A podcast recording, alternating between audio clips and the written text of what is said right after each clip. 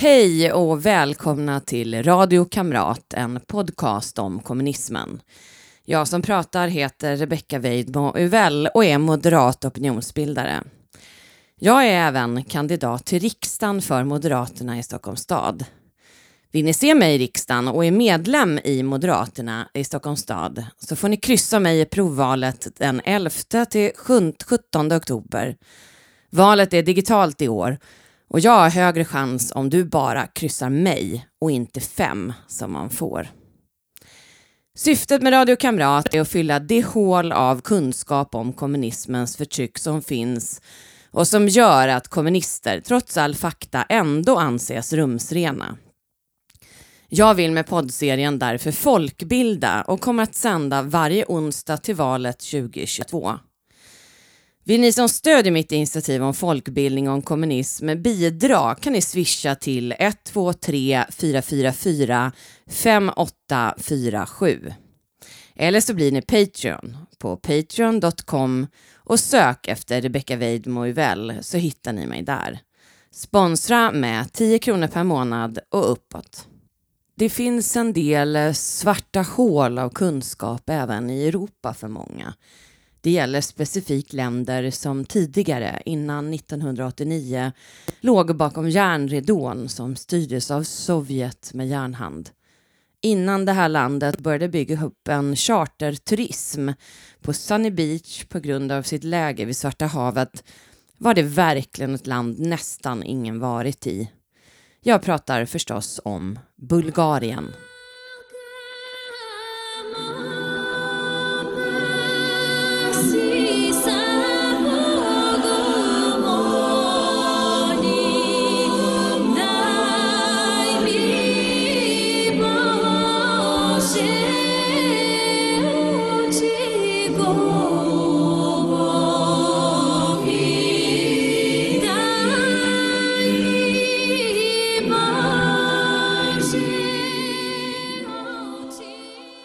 Bulgarien ligger mellan Grekland och Turkiet och söder om Rumänien med kust mot Svarta havet. På 1380-talet tog turkarna Bulgarien och införlivade det i det ottomanska riket där Bulgarien stannade till 1870-talet. Då kom Ryssland till undsättning och förrev turkarna. 1878 skrevs San Stefano-avtalet under den 3 mars och den dagen firas än idag som nationella befrielsedagen. Men först 1908 deklarerade sig dock Bulgarien självständigt. Men på grund av förluster i olika militära konflikter, första världskriget och sedan två Balkankrig, förstördes ekonomin och landet blev instabilt politiskt. Detta öppnade för ett auktoritärt styre och Boris den tredje tog över när hans pappa tsar Ferdinand den första abdikerade efter första världskriget. Tsar Boris styrde över Bulgarien från 1918 till sin död 1943. När Bulgarien 1941 gick in i andra världskriget gjorde man det som en del av axelmakterna och stod alltså på Tysklands sida mot de allierade eftersom de styrdes politiskt via sin premiärminister och regering av fascister. Men de vägrade att delta i operation Barbarossa som var nazisternas operation att anfalla Sovjet och Bulgarien vägrade dessutom att deportera sin judiska befolkning till lägren. Som ofta när det gäller kommunisterna passade de på när landet var i kris. Boris dog plötsligt och oväntat 1943. Tyskland började förlora och Sovjet anföll Bulgarien med den kommunistiska bulgariska gerillan som hjälp.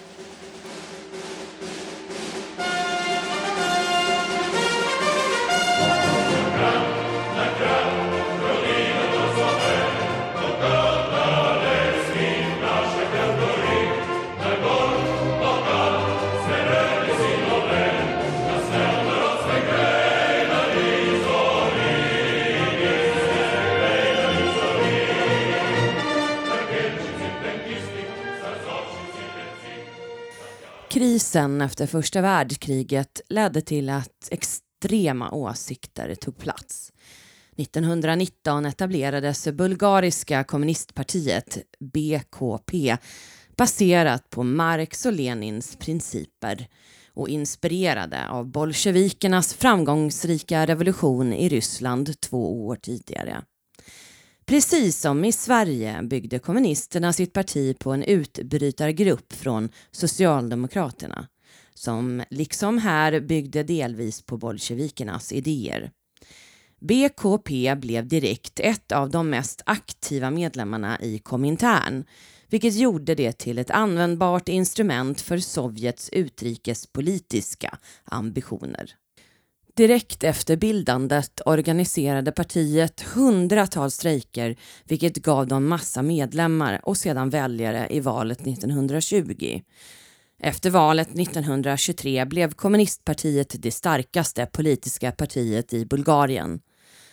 Men 1923 tillsammans med Centerpartiet organiserade de ett försök till statskupp och förbjöds därefter som parti. Faderlandsfronten. När Tyskland attackerade Sovjet den 22 juni 1941 och bröt Molotov-Ribbentrop-pakten tändes raseriet hos bulgariska kommunister och russofiler som bildade en motståndsrörelse. Den 23 juni 1941 startade kommunisterna den illegala radiokanalen Risto Botev. Gruppen bestod av folk från kommunisterna i det bulgariska arbetarpartiet, Centerpartiet och Socialdemokraterna, liksom nationalisterna Zveno, som var både en militär och en politisk organisation, samt de bulgariska bolsjevikerna. De hade ju som synes mycket lite gemensamt. De förenades bara i att de var eniga att Bulgarien skulle dra sig ur andra världskriget. Den första kända partisanen hette Ivan Kozarev. De krävde att nazistiska trupper skulle lämna bulgariskt territorium. I september 1941 kom kommunister som levt i exil i Sovjet med Röda arméns ubåtar och flygplan för att hjälpa gerillagruppen. Även det sovjetiska inrikesministeriet NKVD skickade en grupp bestående av 55 erfarna kommunistiska grillasoldater. Gruppen kallade sig Ottersvestenfront på bulgariska eller OF och annonserade sin existens i juli 1942 genom sin radiokanal Ristobotev.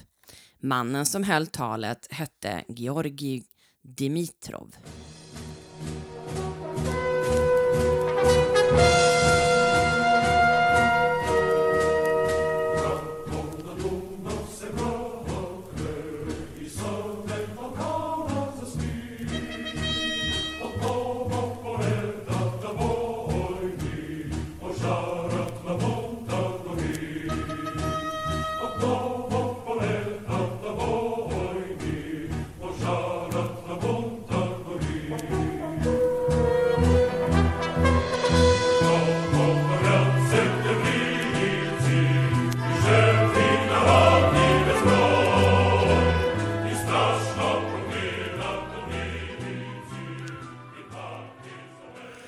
Georgi Dimitrov Mihailov föddes den 18 juni 1882 som det första av åtta barn till makedonska flyktingar som flytt från ottomanerna. Han växte upp i huvudstaden Sofia. En av hans bröder Nikola gick med i bolsjevikerna när han flyttade till Ryssland och blev 1908 skickad i exil till Sibirien där han dog. Dimitrov blev aktiv i arbetarrörelsen redan som 15-åring när han engagerade sig i handelsfacket. År 1900 när han var 18 år blev han sekreterare i Sofias tryckarfackförbund.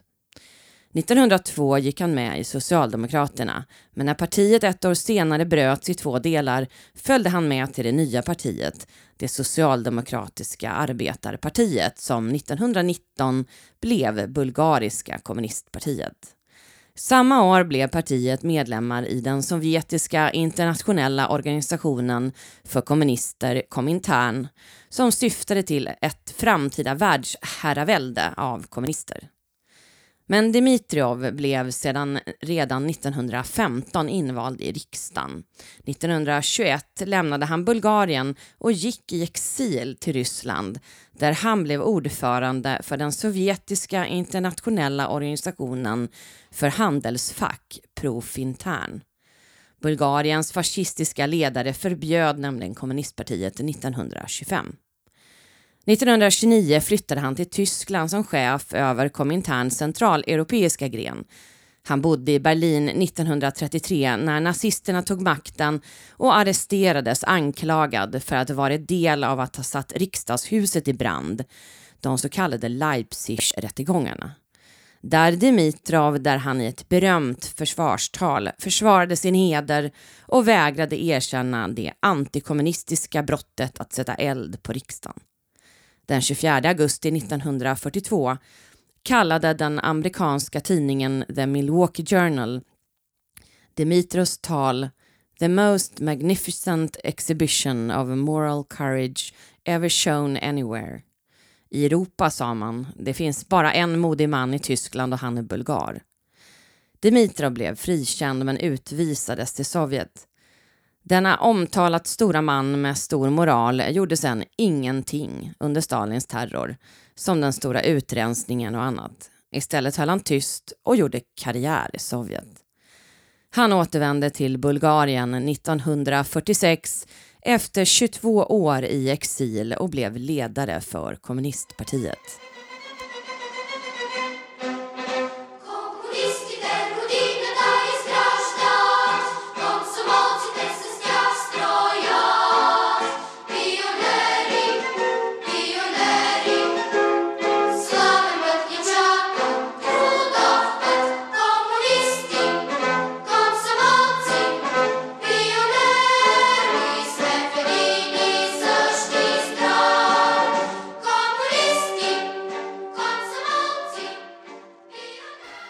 Den kommunistiska gerillagruppen som bildades kallade sig Faderlandsfronten. De kallade sig även antifascister och förde väpnad kamp som gerillagrupp mot tyskarna. 1943 bildade de Folkets befrielserebellarmé, NOVA, och delade upp sig i tolv rebellzoner. Regeringen i Bulgarien svarade med att förfölja motstånd motståndsrörelsemedlemmar och deras familjer och dödade och fängslade tusentals. Polisen och gendarmerna blev kända för att förfölja och plåga partisaner och deras familjer. Partisanerna å sin sida attackerade infrastruktur och lager som användes av tyskarna, men även av bulgariska armén. Ett ökande antal bulgariska soldater började ansluta sig till partisanerna och Nova. Våren 1944 hade bulgariska myndigheter och regering fått nog av Nova och mobiliserade 100 000 soldater för att en gång för alla krossa rebellerna. Men Röda armén avancerade på Balkan och det fick motsatt effekt för ännu fler soldater anslöt till fiendesidan. I september 1944 avgick den tyskvänliga regeringen efter att en av kommunisterna utförd statskupp där tusentals av bland annat den kungliga eliten avrättades. Monarkin avskaffades. Strax tog partisanerna kontroll över 170 städer och byar och den 9 september beordrade befälhavaren över Nova att alla partisaner skulle komma ner från bergen för att ta kontroll över resten av landet. Vilket de gjorde. Efter den 9 september 1944 kämpade Bulgarien på de allierades sida i andra världskriget. Men partisaner placerades ut på strategiska platser i hela armén för att försäkra kommunisterna om att armén förblev lojala med kommunismen. Dimitrov och de bulgariska kommunisterna utropade Folkrepubliken Bulgarien 1945 och utropade även sitt eget parti att vara det statsbärande partiet. Och så fort de tagit makten byggdes, eh, byggde de upp Folkets milis som helt ersatte polisen och började hämnas. Folkets milis mördade tusentals poliser, gendarmer, offentligt anställda och deras familjer. En blodshämnd helt enkelt. Vinnarna skriver som sagt historien, så innan Bulgarien blev fritt från Sovjet påstod man att det var 30 000 partisaner. I själva verket var det runt 10 000 som fick hjälp av Sovjet och Röda armén att ta makten.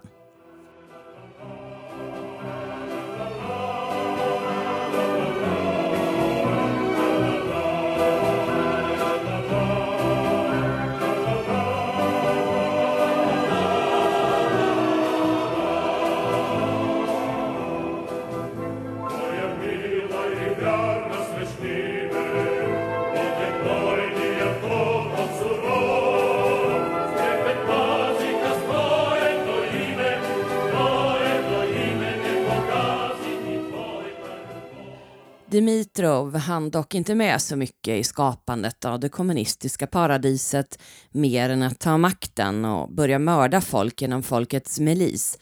För han dog den 2 juli 1949.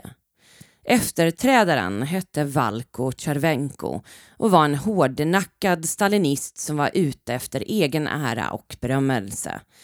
Han började liksom Dimitrov engagera sig i kommunistiska partiet strax efter det bildades och liksom sin företrädare levde han i exil i Sovjetunionen och bidade sin tid för att kunna ta över landet. Han arbetade på marxist-leninistiska skolan och var chef för en bulgarisk kommunistisk radiokanal i Moskva med antifascistiska program.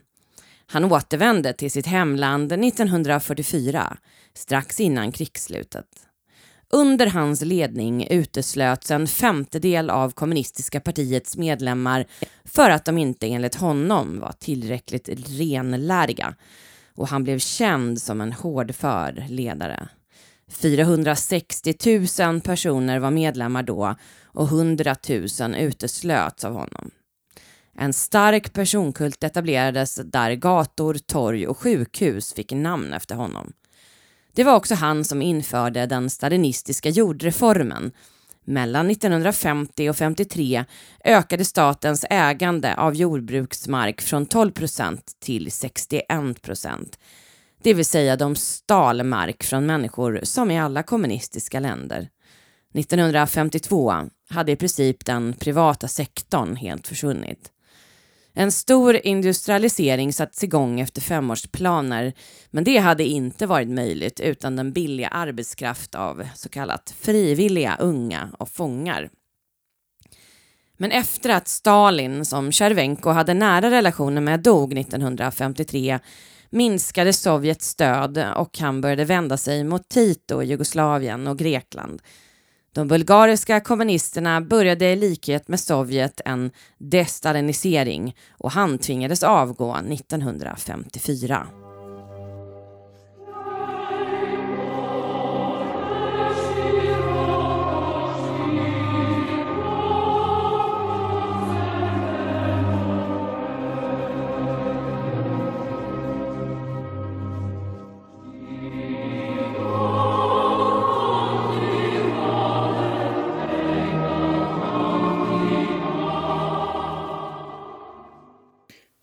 Alla var inte glada över kommunisterna. Gorjani, så kallades motståndsrörelsen mot kommunisterna, som betyder ungefär de från skogen. Medlemmarna kallades diversantis och påstods vara skickade från andra länder från imperialisterna. Metoden de använde oftast var plötsliga väpnade attacker för att störa ut saker i samhället. Kärnan utgjordes av folk från landsbygden som helt enkelt ville försvara sin mark från att tas av kommunisterna. De förenades inte av en politisk ideologi utan var motstånd mot kommunism, inte ett parti. Motståndet varade från andra världskrigets slut till andra halvan av 50-talet.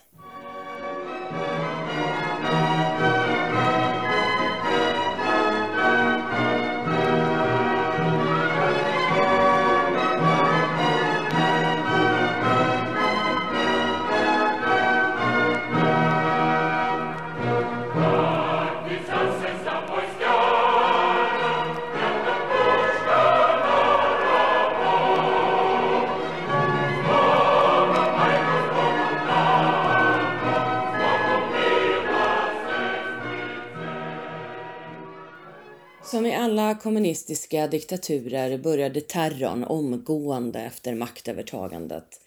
Under hösten 1944 mördades 20 000 till 40 000 människor utan rättegång. Ortodoxa präster, lärare, statsanställda, poliser, kommunpolitiker. Man motiverade mördandet med kamp mot fascism. 1944 till 45 hölls en rad rättegångar mot påstådda fiender till folket och nästan 10 000 personer dömdes. En tredjedel av dem avrättades direkt. Oppositionsledaren Petkov hängdes 1947. Mellan 1944 och 1962 hade minst 23 500 personer skickats till fångläger. Knappt 500 personer hade dömts till döden för att vara folkets fiende mellan 1952 och 1989. Den kommunistiska hemliga polisen jagade och dödade dissidenter både hemma och utomlands. Och den turkiska minoriteten drabbades av vad som borde kallas etnisk rensning. Bulgarien var ett av de första länderna som byggde upp arbetsläger, arbete och utbildningsläger, TVO. Det var ett system av 90 läger där människor som ansågs vara politiskt farliga hölls på obestämd tid. Man spärrade även in vanliga kriminella där. Exakt antal som passerade lägrens grindar är svårt att uppskatta men mellan 25 000 och 182 000 enligt olika officiella uppskattningar. Mellan 1953 och 1961 lättades förtrycket mot befolkningen för att 1961 ta ny kraft. Under 80-talet riktades förtrycket mot den muslimska minoriteten. Under några månader i slutet av 80-talet tvingades hundratusentals muslimer att lämna landet. 5 000 fängslades och 40 dödades.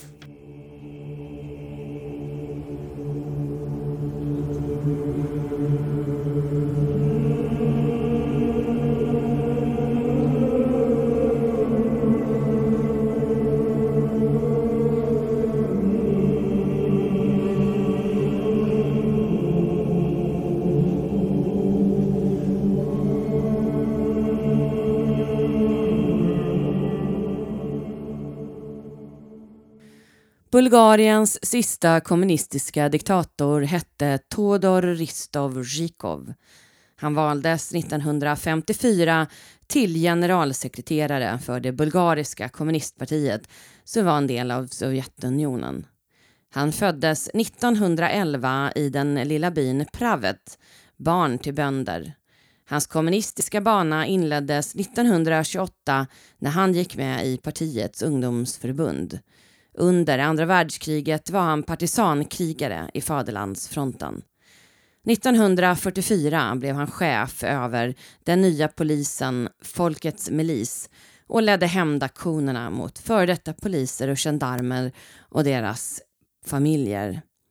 Han överlevde 1965 ett kuppförsök orkestrerat av oppositionella officerare och partimedlemmar det blev det sista kuppförsöket någonsin i järnridån innan den föll 24 år senare. Här hör ni ett tal Zjikov höll. Ако не се изходи от тоя, от тая база, ние няма да стигнем до никъде. Голема грешка ще направим. И зато и нашето ръководство, по-специално Политбюро, твърдо застана на тая позиция – Talet var från 1989. Chikov understödde Sovjets invasion av Tjeckoslovakien och bidrog med bulgariska trupper. Under hans ledning fortsatte det starka förtryck mot oppositionella som hans företrädare inlett och hans regering fängslade tusentals. Han blev kanske mest känd för sin starka, nästan undergivna stöd för Sovjet under kalla kriget. Han föreslog till och med att Bulgarien skulle slås ihop med Sovjet. Han var nära vän med Fidel Castro, Gaddafi och Yassir Arafat och försökte som alla kommunistiska despoter att upprätta en ny slags adel genom att ge sina barn framträdande positioner. Dottern Ljudmilla och sonen Vladimir fick båda positioner i partiet men hon dog 1980 och han söp för mycket för att göra karriär på riktigt. Zjykov ansåg, insåg att kraven på frihet flåsade honom i nacken och han försökte införa svaga varianter av glasnost men lyckades inte förhindra de massiva folkliga uppror som kom på slutet av 80-talet och han avsattes 1989. Han arresterades 1990 och dömdes till två års fängelse för förskingring.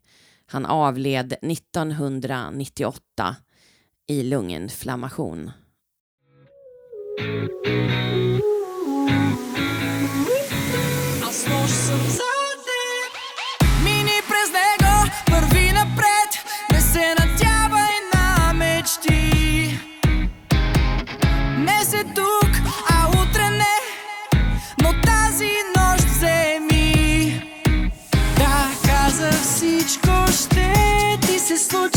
прегърнахте мига Да, даде всичко и се получи Носи тяло без душа Ето нека подари ти утро не нощта Efter kollapsen av Sovjetsystemet föll en tid av stor ekonomisk och politisk osäkerhet i Bulgarien. Första fria valen genomfördes 1990 men de följande regeringarnas långsamma och dåligt skötta ekonomiska reformer, det eftersatta jordbrukspolitiken, det instabila finansiella systemet var orsaker till att Bulgarien hösten 1996 stod inför en ekonomisk kollaps. Den djupa och ekonomiska politiska krisen som följde medförde att nya reformvänligare krafter kom till makten 1997 och med bland annat lån från IMF startades ett omfattande reformarbete. Bulgarien är räknat i BNP per capita EUs fattigaste medlemsland. I landet bor runt 7 miljoner invånare. Till ytan är Bulgarien ungefär som Lappland. President i Bulgarien är Roman Radev som är oberoende men stöttades av socialistpartiet. År 2021 hade man val men eftersom ingen regering kunde bildats efter det valet så styrs landet sedan april i år av en tjänstemannaregering med Stefan Janev som premiärminister. Både Radev och Janev är generaler från det bulgariska flygvapnet respektive armén.